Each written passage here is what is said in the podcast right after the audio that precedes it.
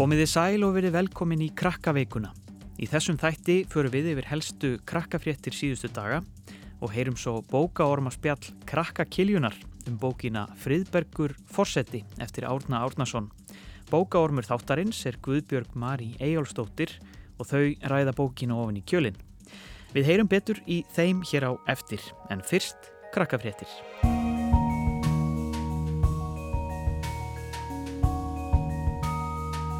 Breytingar á samkomubanninu tóku gildi í dag.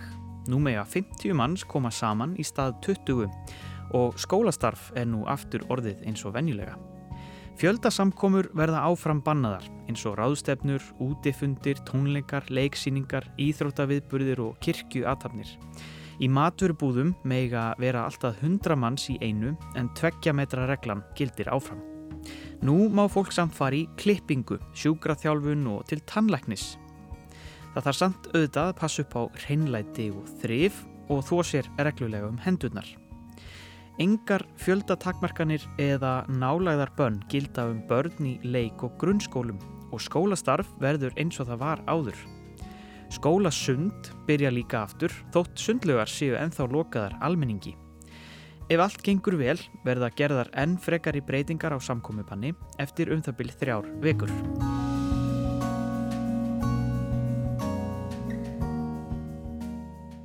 Sögur velunaháttíð barnana er handan við hornið og það þýðir bara eitt. Sögur eftir krakka verða á hverju strái og krakkar kjósa um það sem þeim fannst standa upp úr í menningarlífinu á síðasta ári. Þetta er í þriðja sinn sem velunaháttíðin fer fram Í fyrra fekk Hatari velun fyrir lag ársins auk þess sem sveitin var valinn flytjandi ársins. Gunnar Helgason fekk bókavelun fyrir Sigga Sítrónu. Skólarheisti var valið barna og unlingaþáttur ársins og söður-ameríski draumurinn var valinn fjölskylduþáttur ársins. Nú er búið að opna fyrir kostningu á krakkarúf.is skástrygg sögur. Þar getið þið kosið ykkar uppáhalds tónlist, leikrit og sjómasefni og margt fleira skemmtilegt frá síðastliðinu ári. Kostningunni líkur í hádeginu förstudaginn 15. mæ og úrslitin verða svo kynnt á sjálfum sögum veluna háttíð barnana sem veru haldinn í júni. Þar taka krakkar líka á móti velunum eins og áður. Þið senduð inn helling af alls konar flottum sögum sem fá velun í nokkrum flokkum. Og þær stuttmyndir sem verða velunar í ár verða síndar hér á Rúf næstu förstudaga.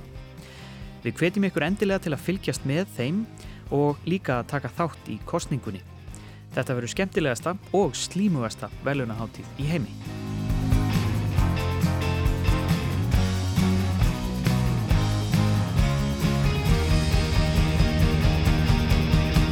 Koronaveiran hefur greinst í næstum öllum löndum heims og í öllum heimsálfum nema einni, Suðursköldslandinu. Það er kannski ekki skrítið að koronaviran hafi ekki ratað á Suðuskauðslandið, enda bara mörgessir, selir og önnur dýr sem búa þar. Þar eru reyndar líka menn. Fjölmarkir vísendamenn leggja leið sína á þennan afskekta stað til að stunda rannsóknir, aðalega jökla og veðurrannsóknir.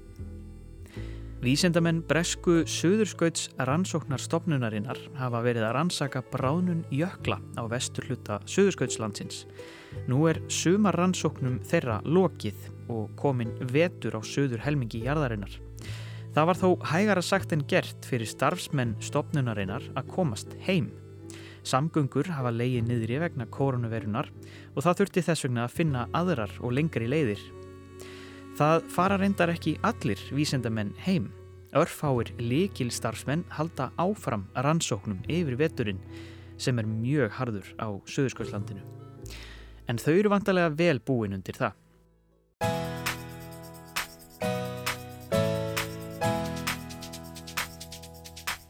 Og þá er komið að bókaormaspjalli Krakka Kiljunar, þar sem við ætlum að kynna okkur íslenska barnabók.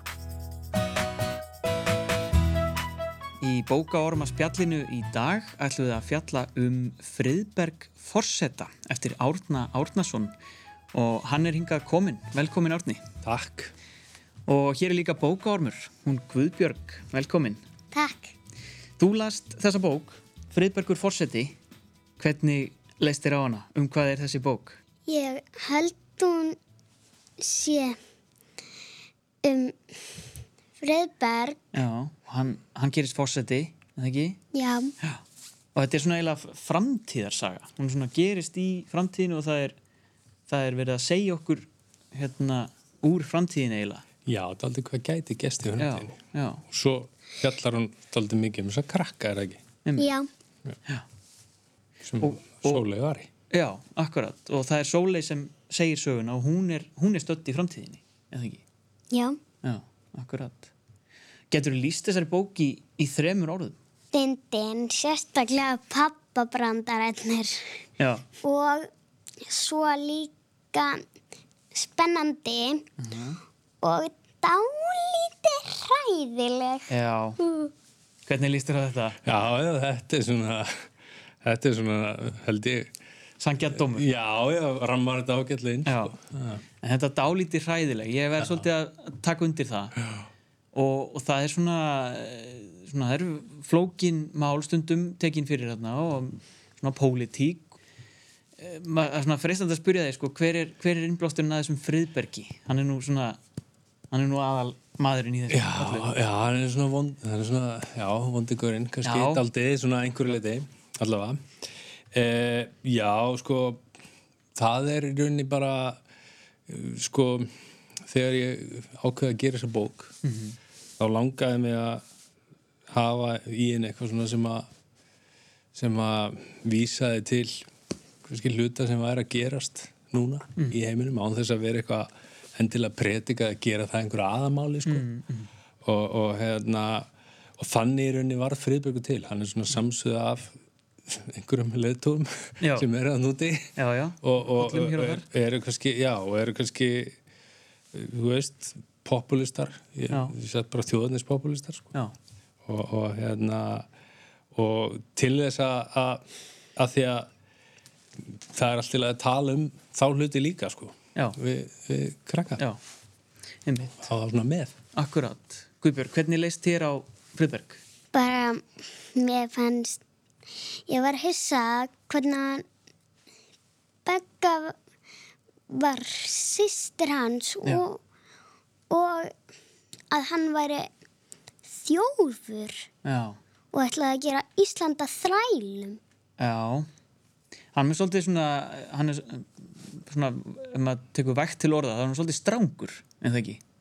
Settur svona svolítið ströng lög og, og svona, og það, það er svolítið það sem að já, gerir eh, svona hrindir atbyrður á svona stað, það, hérna, það fara börn að hverfa. það sem sagt byrjum á því að, að hann setur alveg fáralega lög sem mm. krakkunum finnst mjög ósangjöld og ég held að við séum alveg sammálum að séu ósangjöld Já. Já. Já. Og, hérna, og þá fara krakkarnir að mótmæla. Svo byrja krakkar að hverfa. Og, og það svona lítur út fyrir að fyrst að séu hriðverkumenn á bakvið það. En hérna og krakkarnir, sólegari og vinnur að sogast inn í það. Og svo, veit það, kemur bara alls konar í ljós Mm Já, já, í, í, í kjölfæra því, sko. Já. Einmitt. Varst þú eitthvað hrætt í, að, við að, le, að lesa þessa bók? Já, Já. ég var mjög hrætt út af því að það komist í ljós að Begga skólaleiði væri sýstir fórsetan og væri búin að ræna þeim. Já, akkurat. En hvað hérna, hvað var svona mest spennandi í bókinni? Ég var mjög spennandi verið í og líka dálítið hrætt að hvort að þeim kæmust heim til sín eða ekki. Akkurat. Finnst þetta mikilvægt í hérna umræðinni sko að, að, að börn tengi svona vel við flókin og stór pólitísk mál? Já, og- já, sko, af því að þau veist, þau heyra um þessi mál Já, kom, komst Og- ekki til því? Nei, ég meina, hvað þá eins og tímanir eru í dag Já, og hérna og þá er svona alveg ein hugsunni með þessu var þetta líka að kannski opna á það að, að fór, ef að fóreldrar og börnir að lista saman til dæmis þá er þetta að tala um þessu hluti. Já, þetta útskýri þessu hluti og, og, og, og, veist, og við eigum bara við eigum að hlusta á hvað krökkum finnst um, um svona hluti. Og, og hérna og já, mér finnst það, mér finnst það mikilvægt sko, fyrst og næst er þessi bóku þetta spennubók með, með svona slatta húmor og, og, og svo leiðis en, en, hérna, en það eru þarna svona hlutir sem við erum að kljásta í dag og, og þeir bara minnst þeir bara eiga fullt erindi Já, og það er bara hluti af þessi, þessu. já. já akkurat Varst þú með einhverja spurningar, Guðbjörg? Já, hvernig datt þér í hugað verða bókahöfundur? Já, það er góð spurning Við erum búið að langa til þess mjög lengi og einhvern veginn aldrei bara svona kannski fundið kjarkinn í það og, og það er einu ástæðan fyrir því að mér langaði líka að skrifa bók um krakka sem að svona fyndu kjark og hefðu hugrekki mm -hmm. að, að því ég þurfti daldi hugrekki sjálfur til að fara og skrifa og, hérna, og breyta hvernig ég gerir hlutina þannig að ég er búið að langa til þess í svona 20, 25 ár sko. Hvað last þú þegar þú var slítil?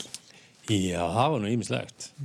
Ég las náttúrulega rosalega mikið af Andresund og Sirpu og öllu því, eins og margir krakkar.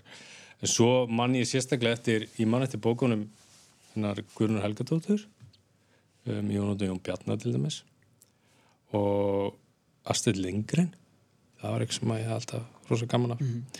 Og svo þegar ég, ég, ég var svona orðin, jú, ekkit svona nálgast táningsaldurinn, þá var að tálbrós og takkaskór og, allt það Já.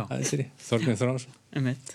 Þannig að það er æfintýrabækur líka. Já, já, það er, hérna, það er bara Þetta er náttúrulega mikið æfintýri, það er, það er ráðgáta þarna og Já, já. það þarf að Já, já, leysa úr henni og, Já, já. klári krakkar sem að, þetta er á margan hátt hefðbundin ráðgata og, Já. og spenna, sko já, já. Hverjar voru þínar uppáhaldsbækur þegar þú varst lítill? Já, það er rosalega góð spurning Það er voru nú alveg nokkrar en ég hugsa þegar ég hugsa tilbaka þá svona bókin sem að snerti mig mest er sennilega bróðum með ljónsjásta Sem er líka bók sem að tekst á við svona flóknari hluti tilverunar. Já, Það er dauðinn Já.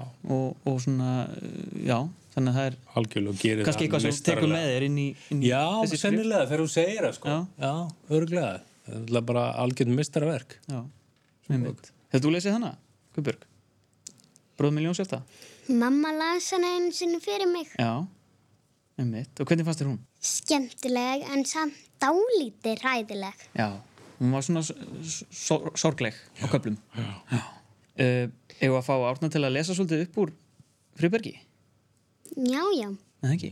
Við skulum lesa bara spennandi gafla Já, já. Er Það ekki? Jú, Eitt, eitt, eitt aldrei spennandi eitt spennandi.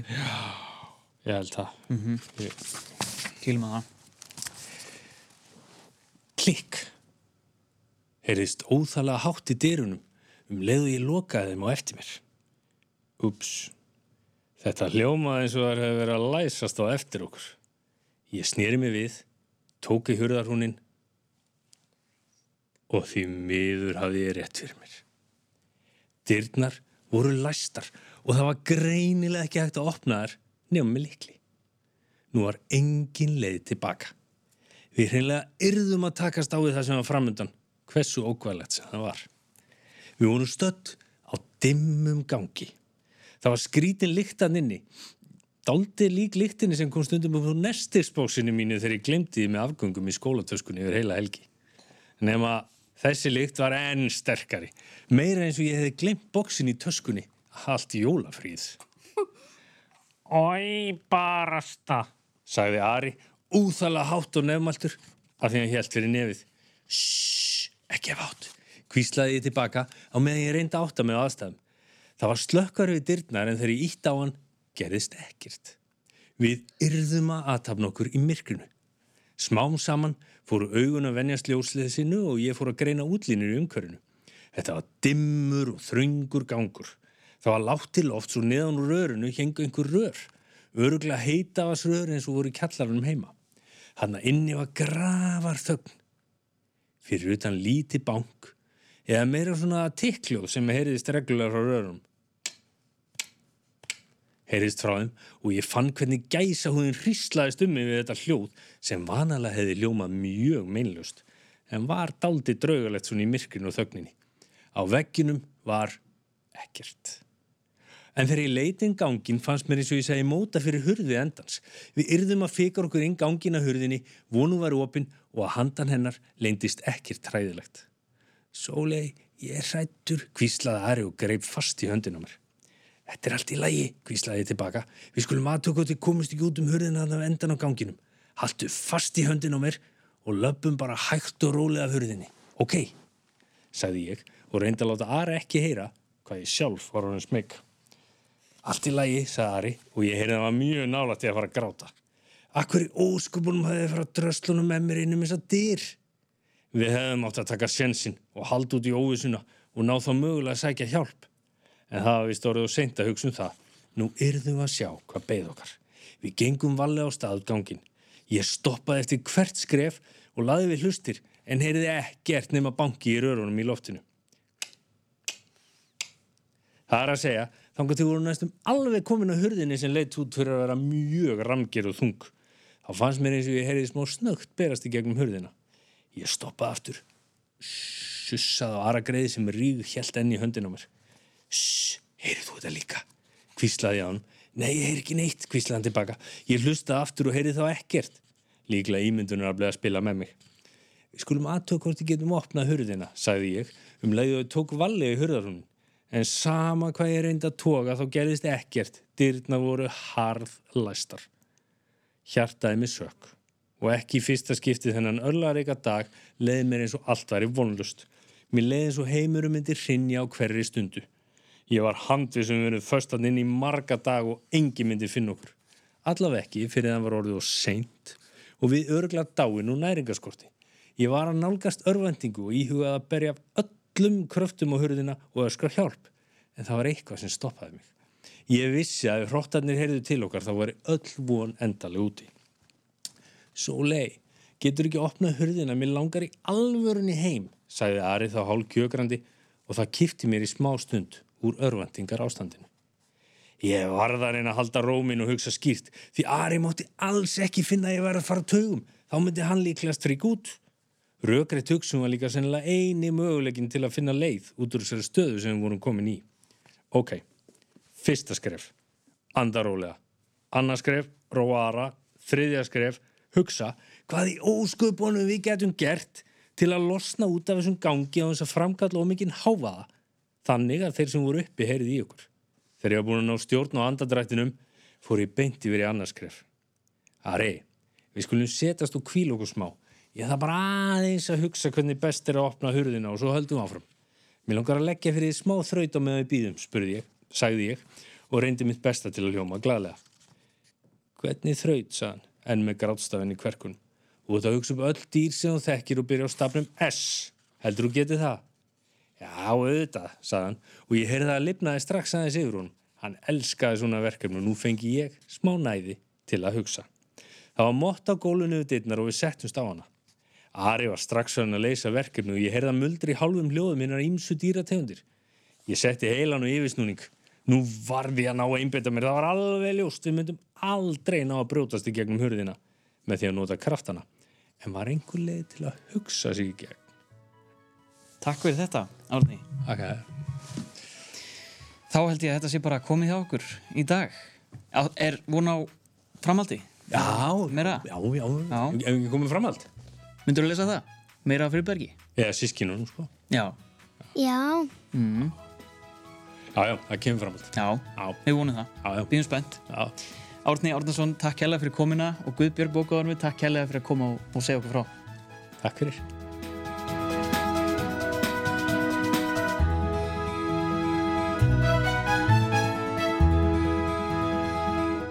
Þá voru þau Guðbjörg Marí, bókaormur og Árni Árnason, rittöfundur sem rættu þarna um bókina Friðberg Forsetta í bókaorma spjalli Krakka Kiljunar.